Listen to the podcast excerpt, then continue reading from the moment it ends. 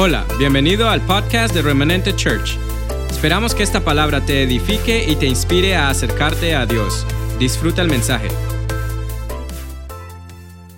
Padre, te damos gracias en esta mañana por tu amor, por tu bendición, por todo lo que tú haces, por todo lo que tú eres, porque tú eres bueno, porque tú eres fiel y porque sabemos que tu Espíritu Santo nos da el espíritu de revelación para entender esta palabra que tú traes a nosotros.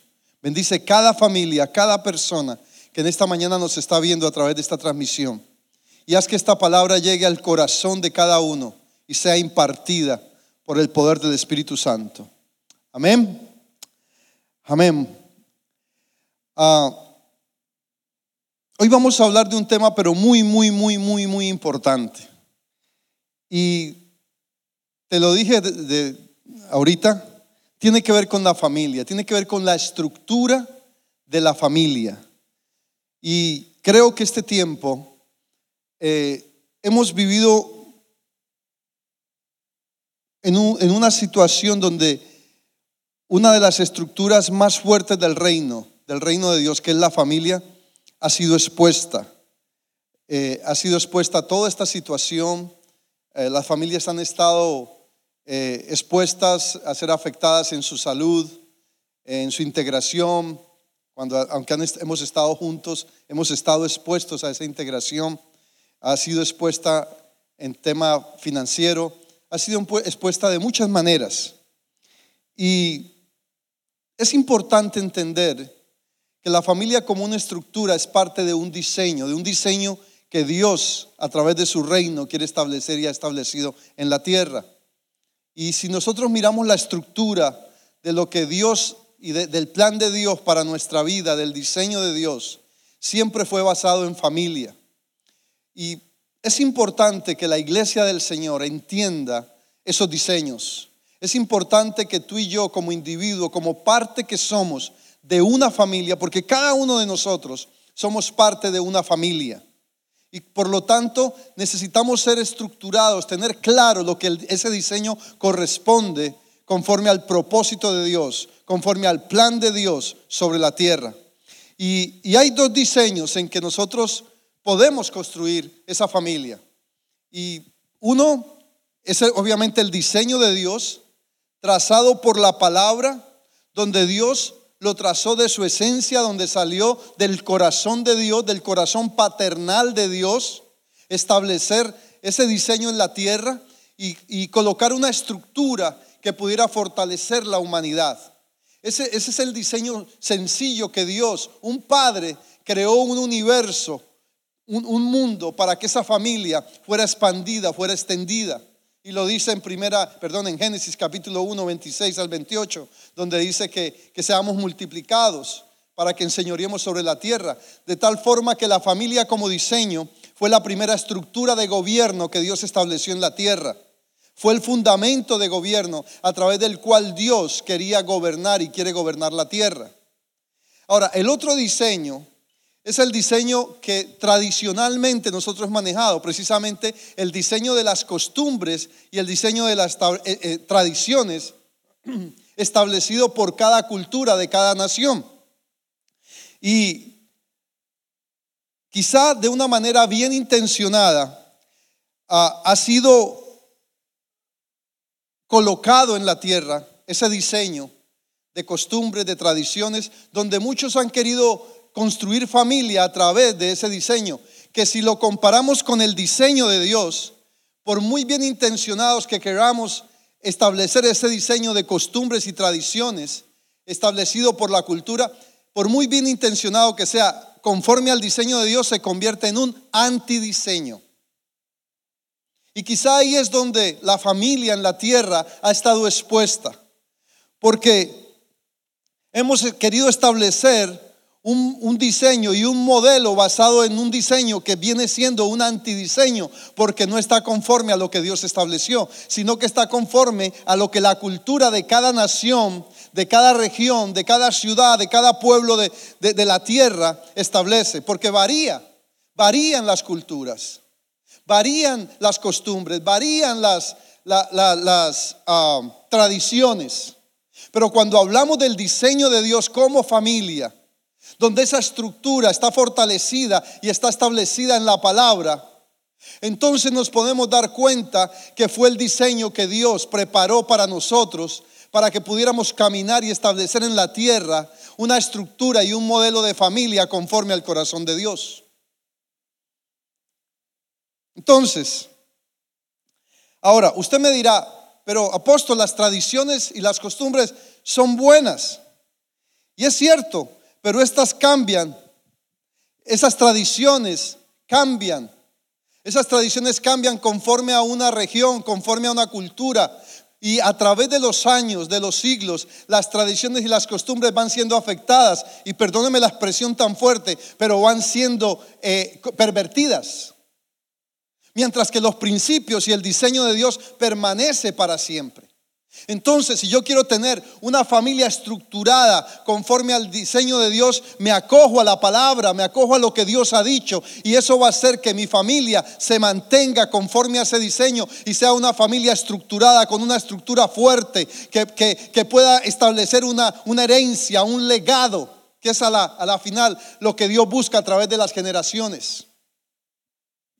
Y es necesario que este tiempo, escuche mi iglesia, esa estructura sea edificada sobre el diseño original que el diseñador hizo, el cual es Dios. Y desde el mismo principio, déjeme acomodar aquí un poquito. Este, y desde el principio mismo, comenzando por Adán y Eva, eh, pasando por Noé, por Abraham, por Isaac, por Jacob, Dios todo lo hizo a través de, una estructura familiar, donde se hace eh, necesario construir, aplicar el diseño de Dios para tener una familia segura, una familia que prospera, una familia que avanza, una familia que es funcional y no es disfuncional. Entonces, yo quiero hablarte de esa estructura de familia en esta, en esta mañana, para que conforme al diseño de Dios, podamos empezar a construir, a estructurar una familia que pueda ser modelada, que realmente traiga una influencia sobre la tierra, que de una vez por todas nosotros como pueblo de Dios podamos liberar el diseño de Dios, podamos tener una estructura de una familia fuerte, de una familia que, que tiene una base, que tiene un fundamento sobre el cual edificar, sobre el cual construir y sobre el cual hacer que el reino de Dios sea expandido. Así que quiero que abra su Biblia en Génesis capítulo 12. Y yo sé, escúchame esto, yo sé que como predicador, como pastor, ah, no es fácil romper las estructuras mentales que traemos, los paradigmas, eh, los conceptos, las posiciones, los criterios que traemos acerca de lo que familia o cualquier otra eh, estructura importante en nuestra vida contiene. Pero precisamente eso lo hace la palabra y eso lo hace el Espíritu Santo. Hacer que se rompa, que se quiebre esa, esa, esa estructura de pensamiento para que dejemos que la, lo que Dios es, el pensamiento de Dios, sea establecido en nosotros. Génesis capítulo 12, versículo 1, dice, pero el Señor había dicho a Abraham, vete de tu tierra y de tu parentela y de la casa de tu padre a la tierra que te mostraré. Y haré de ti una nación grande y te bendeciré y engrandeceré tu nombre y serás bendición.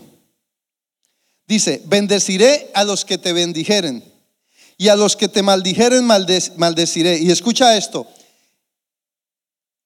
y serán benditas en ti. En ti, está hablando de Abraham, Dios le está hablando a Abraham, en ti serán benditas todas las familias de la tierra. Lo que Dios estaba diciendo era que aunque se había fallado inicialmente a través de Adán y de Eva, el diseño había sido golpeado y el modelo había sido destruido en ese momento. Dios tomó un hombre como Abraham, que lo tomó de Ur de los Caldeos, de Babilonia mismo, y lo llamó para que fuese, digámoslo así, el referente para que ese diseño volviera a tomar vida y hubiese un hombre sobre el cual se, se estableciera en la tierra o fuese usado para que fuese modelado el diseño de familia. Para que a través de este hombre la estructura de familia fuera, fuera eh, eh, diseminada, fuera extendida sobre la tierra, para que la familia tomara fuerza y para que el gobierno que Dios quería establecer sobre la tierra fuera, fuera, fuera eh, realmente arraigado, fuera fortalecido. Ahora, de todos los diseños del reino de Dios, el diseño de familia ha sido uno de los diseños más atacados. El diseño de familia a través de la historia siempre ha sido golpeado, siempre el enemigo ha querido destruir. Y si nosotros miramos, la estructura de familia es lo que fortalece en una nación la política, la religión, la economía, el gobierno, porque es, es ese fundamento sobre el cual se rige una nación. ¿Por qué? Porque de la familia salen gobernadores, de la familia sale provisión. ¿Quién paga impuestos? Las familias, para que, una, para que la economía de una nación sea fortalecida. Eh, en cuanto a la política, ¿de dónde salen los políticos? De una familia. Si nosotros vemos, los gobernantes en, la, historia siempre fueron, eh, salieron de familia, conservaban, estaba viendo una serie acerca de los imperios, ya fuera el imperio otomano, he visto series acerca del imperio otomano, el imperio eh, persa, el imperio romano, y todas tienen que ver con familia. ¿Por qué? Porque ellos entendían la importancia del legado, la importancia generacional que el enemigo ha ido rompiendo y quebrantando a través de los siglos.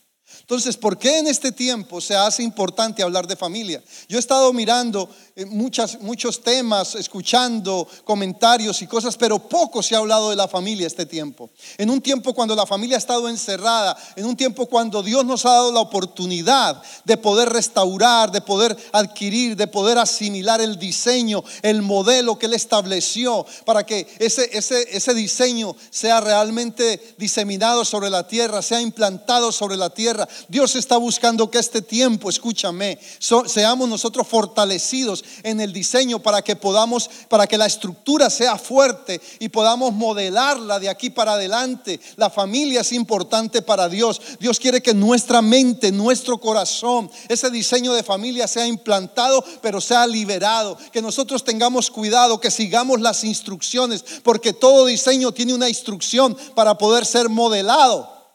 Y a través de ello establecer una estructura familiar tan fuerte, tan fuerte, que podamos ver hijos que prosperan, hijos que son levantados, fortalecidos, hogares que sean conforme al corazón de Dios, parejas que ya no se divorcien tanto como ha estado pasando. ¿Por qué? Porque el diseño ha sido quebrantado en sus corazones, porque no hay una estructura que fortalezca esa familia y el enemigo fácilmente viene y la derrumba.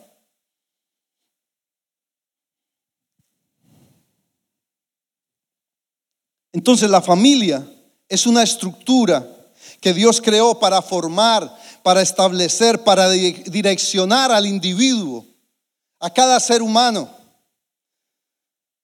En la, palabra encontramos cantidades, miles de textos que tienen que ver con familia, que, tratan del matrimonio, de los hijos, de los conflictos, de las relaciones, de la herencia, del legado, de la economía. Y todos estos, escúchame, todos estos pasajes están directamente relacionados y tienen que ver con la estructura de familia. Entonces se hace importante, yo quiero establecer este fundamento en tu corazón, que entendamos cosas, porque el 80%, escúchame, el 80% de lo que un individuo aprende desde que nace, lo aprende en la familia.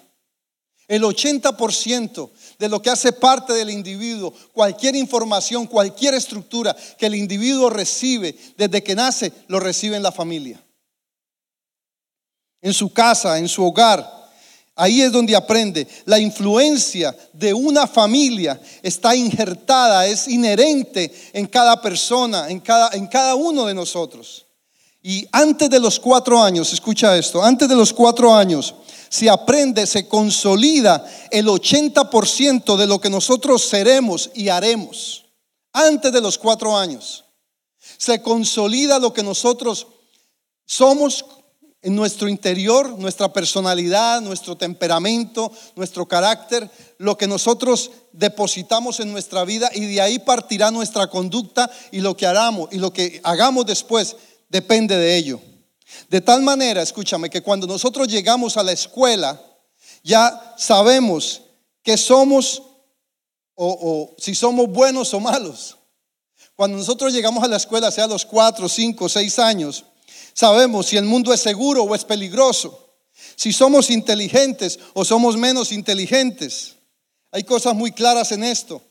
Si podemos confiar o temer en las, en las otras personas, si podemos confiar en ellos. ¿Por qué? Porque esa estructura ha sido establecida en la familia, dependiendo de lo que ha sido sembrado dependiendo de la información, del modelo, de lo que se nos ha modelado, entonces somos estructurados.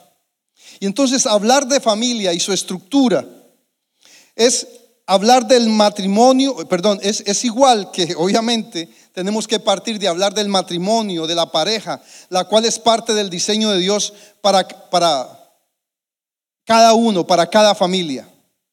Y ha habido algo muy sutil a través de la historia y es que ese antidiseño del cual yo te hablaba, basado en tradiciones y, y costumbres, se centró o se estableció en los hijos y relegó la estructura, eliminando, escúchame, se centró en los hijos. El, el, diseño o el antidiseño que se estableció basado en, en costumbres, basado en tradiciones, hizo que, que la familia solamente estuviera centrada en los hijos y que en un momento dado la pareja fuese relegada, la estructura de la pareja fuese relegada. Porque la tradición solamente quiso quizá desarrollar buenos padres o, para, o quizá buenos hijos. Y las costumbres hicieron que el hombre adoptara un rol conforme a la cultura y que a la mujer se le diera otro rol conforme a la cultura, pero no conforme al propósito, ni al principio, ni al diseño de Dios. Entonces sucedió que la mujer pasó a un segundo plano. Esa cultura, esas tradiciones, esas costumbres llevaron a que la mujer jugara un rol que, que, la, la, puso en un segundo plano, donde estaba limitada, donde la mujer quedó limitada solamente a, dos cosas, a tener hijos y a ser ama de casa. Eso no era lo que Dios tenía en su diseño. Eso, eso difiere del diseño de Dios, porque fue relegado a eso. Porque la mujer, ese, ese diseño, ese antidiseño de costumbres y tradiciones hizo que la mujer se, ubicara en esos roles. Tener hijos y ser ama de casa. Y el hombre se convirtió en que en el jerarca y en el macho alfa. donde el hombre, el papá en la casa era un jerarca, es un jerarca. Es quien, ya lo he dicho, se sienta en la mejor silla, le dan la mejor presa, es el que maneja el control del televisor, el que, es el que se dice a qué hora se apagan las, luces. Entonces, establecimos una estructura que fue afectando y fue eh, dañando el diseño original. Entonces el modelo que establecimos de familia fue un, modelo disfuncional. Un modelo que nos afectó, afectó nuestro crecimiento, afectó nuestra personalidad, afectó nuestra seguridad, afectó nuestra autoestima, afectó nuestra pertenencia. Entonces cuando nos tocó salir de casa, en vez de salir aún sin haber quizá enfrentado el mundo, en vez de haber salido fortalecidos, sanos, seguros, con pertenencia, dispuestos a comernos el mundo, salimos acobardados, salimos atemorizados o salimos escapando de esa familia. Y estos conceptos lo que hicieron fue desviar el diseño y debilitar la estructura, la estructura de familia. ¿Por qué? Porque la, cultura nos creó un diseño lejos del diseño de Dios.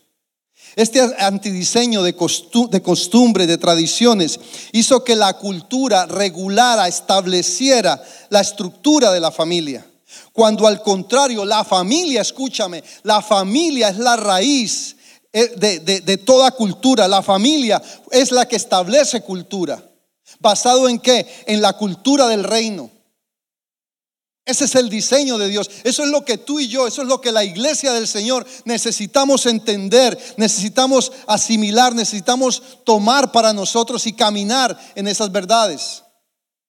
Para que la familia este tiempo realmente pueda gozar de un diseño claro y de un modelo que, que se pueda mostrar al mundo. Y no por apariencia, sino porque el mundo necesita que el poder de la familia sea estructurado de tal forma que los hijos y las nuevas generaciones salgan de sus casas seguros, sabiendo hacia dónde van, sabiendo lo que contienen, sabiendo quién verdaderamente son. Amén.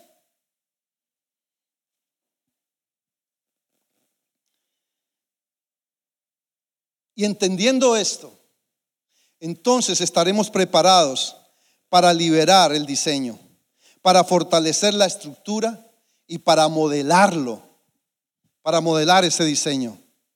Pero aún así el enemigo, obviamente, ha estado tratando de destruir ese diseño, de dañarlo, y lo ha ido logrando en cierta manera. Desde el principio, porque si Dios escogió a Abraham como ese referente para bendecir la familia, para establecer el diseño, para estructurar la, familia, para modelar ese diseño de familia. El enemigo desde el principio atacó a Abraham.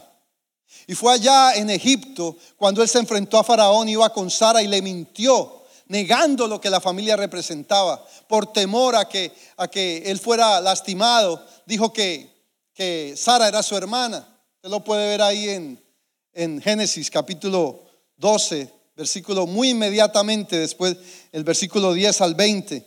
También se, apresuró cuando Dios le había dado la promesa de un hijo, Isaac, y él se involucró con, con su sierva Agar, con su esclava Agar, y fue donde nació Ismael. Y hoy por hoy sabemos el conflicto que eso creó cuando eh, eh, tenemos el pueblo de Israel y el pueblo árabe. Esos son dos, los unos vienen de Isaac y los otros vienen de Ismael. Y ya sabemos el conflicto que esto ha presentado. En cierta manera son dos familias enfrentadas. Eso es lo que realmente representa. Y en Génesis 20 Abraham vuelve otra vez y miente cuando se encuentra con, con el rey Abimelech, rey de, de, Gerar.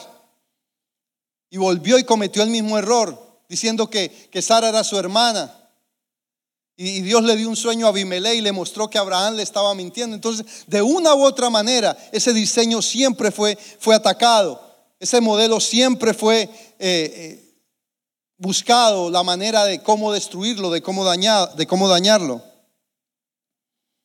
Entonces, vemos que de una u otra forma, este diseño ha sido atacado, está siendo atacado y seguirá siendo atacado. Pero si nosotros como hijos de Dios, no entendemos, y eso es lo que Dios me ha hablado hoy, porque muchas veces nosotros queremos construir familia. Yo sé que cada familia busca la manera de mantener una familia conforme al diseño de Dios. Aún familias que no son cristianas buscan cómo tener la mejor familia. Aún familias que no han oído la palabra buscan cómo tener una buena relación entre esposo y esposa, entre padre e hijos.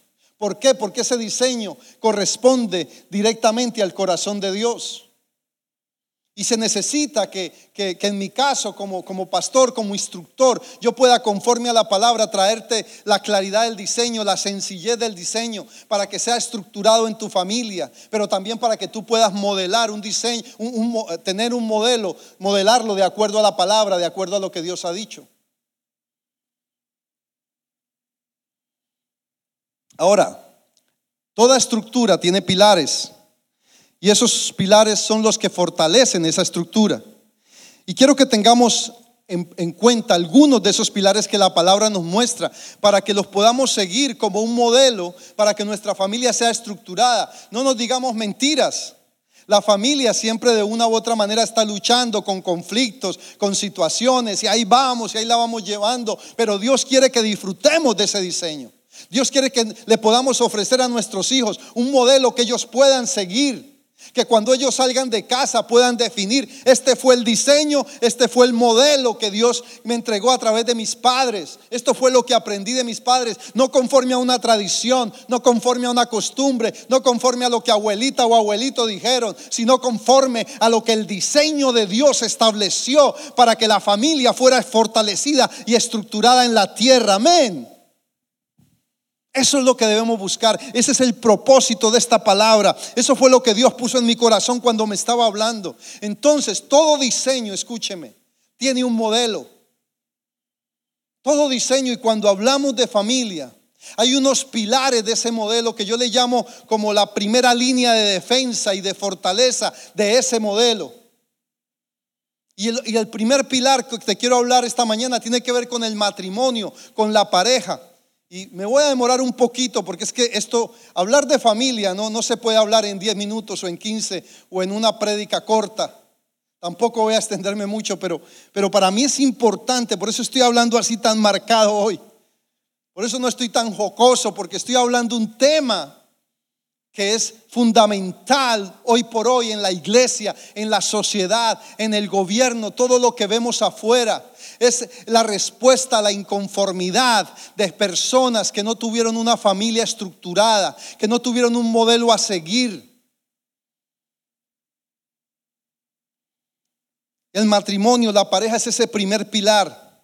Y uno de los grandes propósitos de la pareja es el amor, el amarse. Y no solo como algo racional, sino también como una expresión eh, emocional, donde se disfruta la expresión del amor, que viene a fortalecer a la pareja. Hay un rol en la pareja dentro de, dentro de lo que son como una sola carne, que dice la palabra. Y tiene que ver con amarse, tiene que ver con expresar ese amor. y hay un libro en la Biblia que quiero leerte, que para mí es como un curso intensivo de romance. Y es el libro de Cantar de los Cantares. Imagínense que nosotros como pareja provocáramos aquello y mira lo que dice Cantar de los Cantares. Voy a leerte algo así eh, que te puede dar una idea de lo importante que, que la pareja es para Dios y cómo Él instruyó en su palabra, cómo Dios mismo nos dio una idea Cantar de los cantares, Eclesiastés, cantares, antes de Isaías. Dice Cantares 2.8, por ejemplo, dice, imagínate este lenguaje, imagínese que Dios nos dejó un modelo para nosotros liberar conforme a su diseño de lo que la pareja representa. Y dice Cantar de los Cantares, dice, versículo, capítulo 2, versículo 8, dice, la voz de mi amado, he aquí él viene saltando sobre los montes, brincando sobre los collados. Mi amado es semejante al corzo o al cervatillo.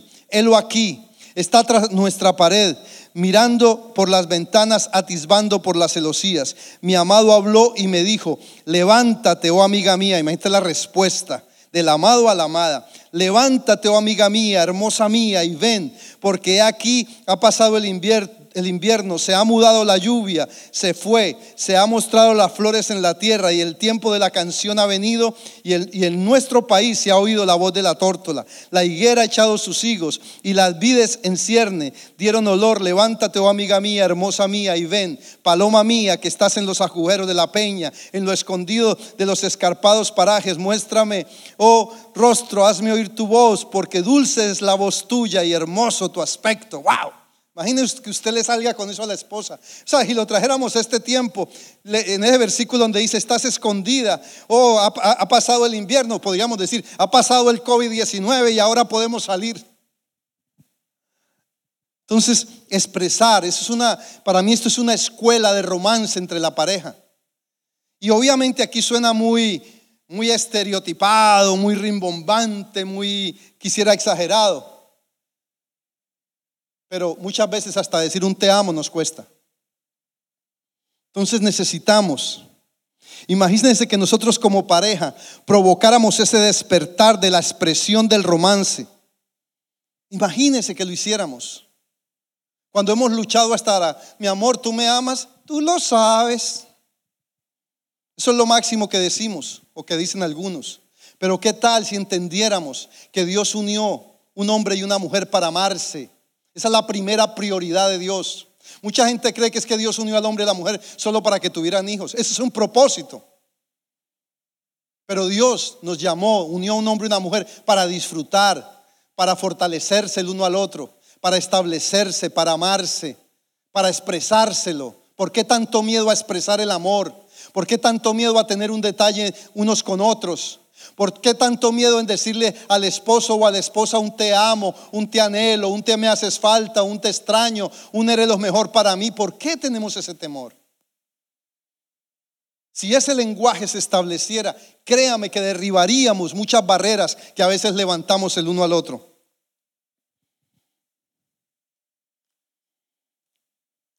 El matrimonio, una línea de defensa dentro de la familia.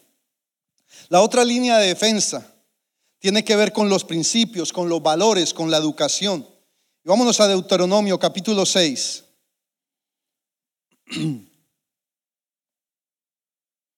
Deuteronomio capítulo 6.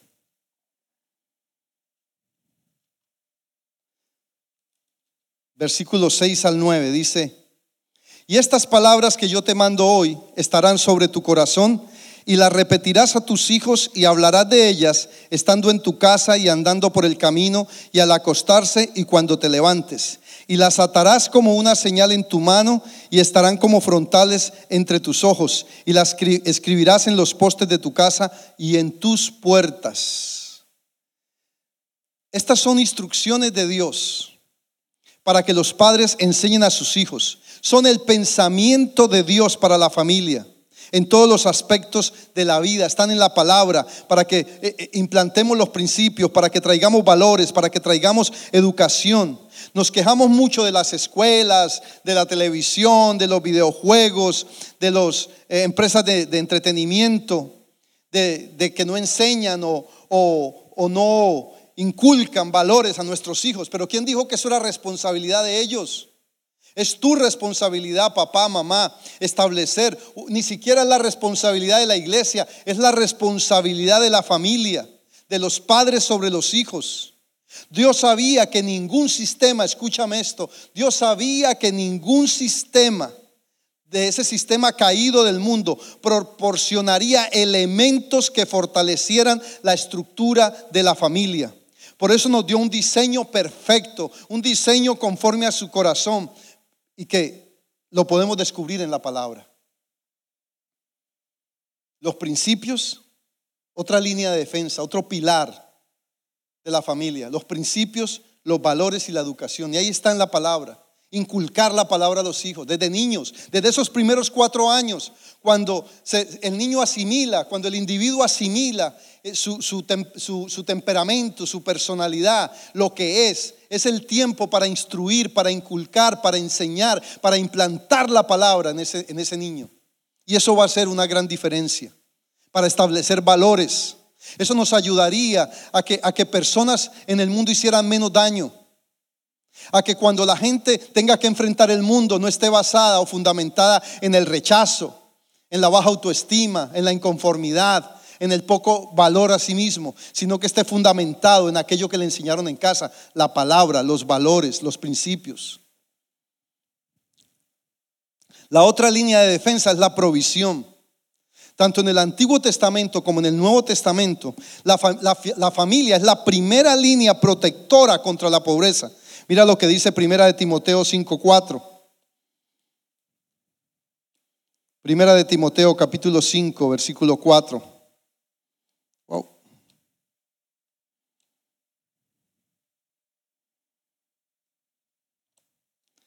Primera de Timoteo 5, 4 dice, pero si alguna viuda tiene hijos o nietos, aprendan estos primero a ser piadosos para con su propia familia y a recompensar a sus padres, porque esto es lo bueno y agradable delante de Dios. En la cultura judía, hablando de familia, ellos manejan un sistema de protección financiera, de ayuda financiera unos con otros que cuando usted ve a un judío que inmigra a otra nación o vive en otra nación, ellos se ayudan unos a otros, ellos protegen la familia. Y usted por eso nunca en una nación vio un judío en mala situación, porque ellos entienden este principio. Unos velan por los más necesitados. Quizá unos no serán muy ricos, pero usted no va a ver un judío pobre en ningún lugar. ¿Por qué? Porque aplican el principio de ayuda a la familia del cual habla Pablo. Y si aplicamos este principio bíblico de sustento de la familia, habrá menos pobreza. Habrá menos pobreza. Porque aún entre clanes de familia, unos tienen más que otros y nunca están dispuestos a ayudar. Entonces es algo que nosotros debemos tener en cuenta. ¿De qué manera podemos ayudar a otros en la familia? Ese es otro pilar. Otro pilar muy importante dentro de la familia, dentro de ese diseño que nos ayuda a modelar ese diseño es la autoridad. Definitivamente el diseño de Dios contiene una estructura que contiene autoridad. Yo siempre he dicho, autoridad que no se ejerce es autoridad que no se reconoce. Autoridad que no se ejerce es autoridad que no se reconoce. Y este es uno de los pilares que más se ha debilitado en la familia. Hoy por hoy padres tienen temor, tienen miedo de, de ejercer autoridad. Y y ha sido invadido por, por esa cultura de tolerancia, por esa cultura de, de desidia, de indiferencia, que cuando tratamos de ejercer autoridad, esta más bien se vuelve, se convierte o se torna en algo abusivo, a causa de que hemos tolerado demasiado por temor a usar la autoridad y esto nos ha provocado desprotección. El no uso de la autoridad en la familia desprotege la familia, desprotege los hijos. Y no estamos hablando de poder, no estamos hablando de abuso de autoridad, estamos hablando del principio que Dios estableció en su palabra. Los niños desde pequeños no reclaman autoridad. Uno desde niño está reclamando autoridad. Cuando un niño hace una pataleta, cuando un niño llora así sin ninguna razón, lo que está reclamando es autoridad. Lo que está diciendo es, corrígeme, lo que está diciendo es, ejerce tu autoridad, papá, ejerce tu autoridad, mamá. Pero siempre estamos buscando es cómo el niño se calle y no hable más. Entonces le compramos algo, lo entretenemos, pero no ejercemos autoridad. La autoridad en la familia, escúchame, es el fundamento para ejercer en toda entidad de la tierra autoridad. La familia es el fundamento de autoridad, porque de la familia sale la autoridad hacia un gobierno, hacia una nación, hacia una iglesia, hacia los, estamentos militares. Ahí nace la autoridad. Toda autoridad que una persona ejerza en cualquier entidad del mundo, a cualquier nivel, en una nación, parte de la familia, parte de lo que aprendió. El modelo que él va a llevar de autoridad si es un militar, si es un gobernante, si es un director de una empresa, si es un líder, va a ser el modelo que él aprendió en casa. Y si ese niño no fue instruido en autoridad, no, no fue ejercida autoridad sobre él, no estuvo bajo autoridad, va a ser muy difícil que ponga autoridad sobre otros. Estamos hablando de los pilares, de las primeras líneas de defensa del modelo de familia, de la estructura de familia en la tierra. El otro tiene que ver con la honra. Palabra cabez.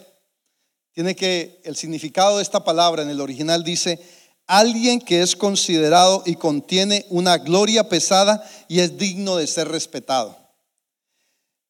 En ese sentido, la palabra de Dios es clara, dice Efesios 6.1, mire lo que dice acerca de la honra, porque eso se ha perdido. Cuando la honra hacia los padres especialmente, es un mandato de Dios que contiene algo profundo, que tiene un contenido pesado de bendición, de salud, de bienestar. Dice Efesios 6.1, hijos, obedeced en el Señor a vuestros padres porque es que es justo. Honra a tu padre y a tu madre, que es el primer mandamiento con promesa. ¿Para qué? ¿Para qué honramos? ¿Por qué es importante que nosotros los hijos honremos a nuestros padres? Porque mire lo que va a suceder. Para que te vaya bien y seas de larga vida sobre la tierra. Esa palabra a larga vida encierra todo, encierra prosperidad, encierra seguridad, encierra éxito, encierra bendición por causa de que tú has honrado a tu padre o a tu madre. Y de eso yo te puedo hablar durante los últimos años de vida de mi madre, Dios me dio la oportunidad de honrarla, porque yo estaba seguro, yo deliberadamente sabía que era un mandato de Dios, independientemente de las circunstancias, la pude honrar, cubrirla, responder por ella hasta el último día que ella murió. No me importó cuánto tuviera que dar de mí para hacerlo, porque yo sabía, yo sabía lo que el mandato contenía. Largura de días y bienestar y bendición. Y míralo como lo dice Deuteronomio capítulo 5. Deuteronomio capítulo 5, versículo 16. Vamos bien de tiempo. Creo que va a terminar bien. Dice 5.16. Honra a tu padre y a tu madre, como el Señor tu Dios te ha mandado, para que sean prolongados tus días, para que sean prolongados tus días, y para que te vaya bien sobre la tierra que Dios te da, o sea, para que te vaya bien en el lugar donde Dios te ubica, ya sea en un trabajo, ya sea en un negocio, ya sea en una relación, ya sea en tu familia misma. Honra, hijo, le estoy hablando a los hijos, a los jóvenes y a todo el que es hijo, no importa la edad que tenga también. Así, yo sé que hay, que habemos personas mayores o personas mayores que, adultas que tenemos todavía a nuestros padres o tienen a sus padres vivos. Honralo. A veces lo más fácil es meterlo a un asilo. Pero asegúrate de que donde quiera que Él esté, donde quiera que ella esté, sienta que le amas, sienta que no te deshiciste de Él, sino que estás buscando siempre lo mejor para Él o para ella. Honra a tu padre y a tu madre y largura de días tendremos y todo, todo nos saldrá bien. Es parte de la promesa, es lo que la palabra dice. Entonces la honra es un pilar que nos permite establecer esa bendición generacional, porque Dios es un Dios generacional. Y es una honra basada en el respeto, no en el temor, no en el miedo, ni tampoco en el abuso, sino una honra. Porque también cuando leemos Efesios dice también, padres, no provoquéis a ira a vuestros hijos. Eso es recíproco. Entonces el padre también siembra honra, establece honra a través de qué? Del amor si yo quiero que mis hijos me honren, cuando yo ya esté en una edad donde quizá necesito el apoyo de ellos, que sea algo que yo me gané por el amor, que sea algo que me gané por, por la instrucción, porque guardé sus corazones, porque les di una estructura de familia. El otro pilar y, el último que que yo diría que es de primera línea, dentro de esa línea de defensa del, del diseño de familia, de la estructura de familia, es el amor. El amor. El amor. Y este es muy clave. Dios resume el pensamiento acerca de la familia en el amor. Él define el amor como la presencia de su justicia, de su provisión, de su integridad, de su verdad, de su fe. Aún la autoridad está basada en el amor, está fundamentada en el amor. El amor que no dejará que abusemos del buen uso de la autoridad. Porque cuando se abusa de la autoridad en la familia, en la iglesia, en el gobierno, se pierde el derecho legal de parte de Dios y se, cree, se crea anarquía porque no hay amor. Todo lo que Dios nos manda a ejercer en su palabra está basado, fundamentado en el amor. La corrección, la disciplina, la autoridad, la honra, todo ello, los principios, la educación, toda ella está basado, fundamentado en el amor. Por eso el amor es como ese ingrediente que hace que ese diseño, que esa estructura se mantenga activa, se mantenga proactiva, se mantenga fortalecida. Y hay una diferencia entre la corrección y el abuso. Jesús representó su autoridad en amor hacia la iglesia. Y Dios, y dio, perdón, su vida por nosotros. Ahí Él nos dio la mayor expresión de amor y ganó autoridad a través de servir su vida por ti y por mí. Y dice que se la entregó, esa autoridad se la entregó a la iglesia. Y lo hizo por amor. Él fue, pagó el precio, ganó todo por amor a nosotros. Y fue tanto su amor, iglesia, fue tanto su amor que toda esa gloria que él había ganado en los cielos, en la tierra y debajo de la tierra, porque fue y venció en lo más profundo y resucitó y se sentó a la diestra del Padre, dice que toda esa gloria que contiene su amor, que contiene su autoridad, que contiene la fe, que contiene los principios, que contiene los diseños, dice que nos la entregó a nosotros. Él pagó el precio por ti y por mí. Y dice Efesios capítulo 1, versículo 22, 23. Ya estoy terminando, ya terminé prácticamente. Dice Efesios capítulo 1.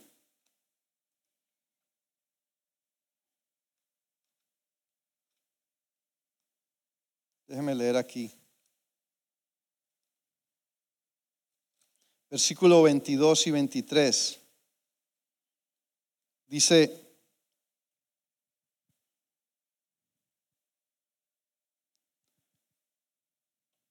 Del 20 vamos a leer. Efesios capítulo 1 al 20, dice, la cual operó en Cristo, resucitándole de los muertos y sentándose a su diestra en los lugares celestiales, sobre todo principado y autoridad y poder y señorío, y sobre todo nombre que se nombra no solo en este siglo, sino también en el venidero y dice, y sometió todas las cosas, sometió todas las cosas bajo sus pies. ¿Y qué hizo? ¿Y qué hizo con ello?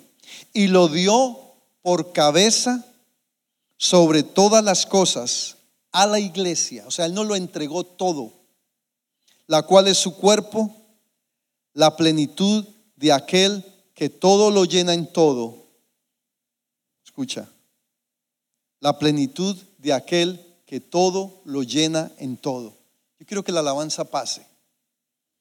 Y vamos a pensar y a meditar en cada uno de estos pilares. El matrimonio, estas líneas de defensa que Dios nos entregó. La educación, los principios, los valores, la provisión, la, honra, la autoridad, el amor. Yo quiero invitarlo a que usted medite, inclusive vuelva a tomar esta palabra y la comparta y la, y la medite y la, y la con su esposa, con su esposo, con sus hijos. Mediten en esta palabra. ¿Cuál es la estructura de mi familia? ¿Cuál es el diseño de mi familia? ¿En qué está basado el diseño de mi familia? ¿En las tradiciones? ¿En las costumbres? ¿O en el diseño de Dios? ¿En, la estructura que Dios me entregó? ¿En el trazo de Dios? ¿En qué está fundamentada esa estructura? ¿Qué es lo que estoy modelando? modelo cultural de formas, de tradiciones, de costumbres, donde la mujer pasa a un segundo plano, el hombre es un gran jerarca, o donde cada uno ejerce el rol que Dios le entregó en la tierra, donde el hombre ejerce el rol de padre, de esposo, de, hombre amoroso, la mujer de esposa, de madre, de mujer virtuosa, donde los hijos ejercen el rol de obediencia, de honra, y donde toda la familia camina en amor, de acuerdo al diseño de Dios. ¿Qué es lo que vamos a hacer? Amén. Medita en esto mientras escuchamos.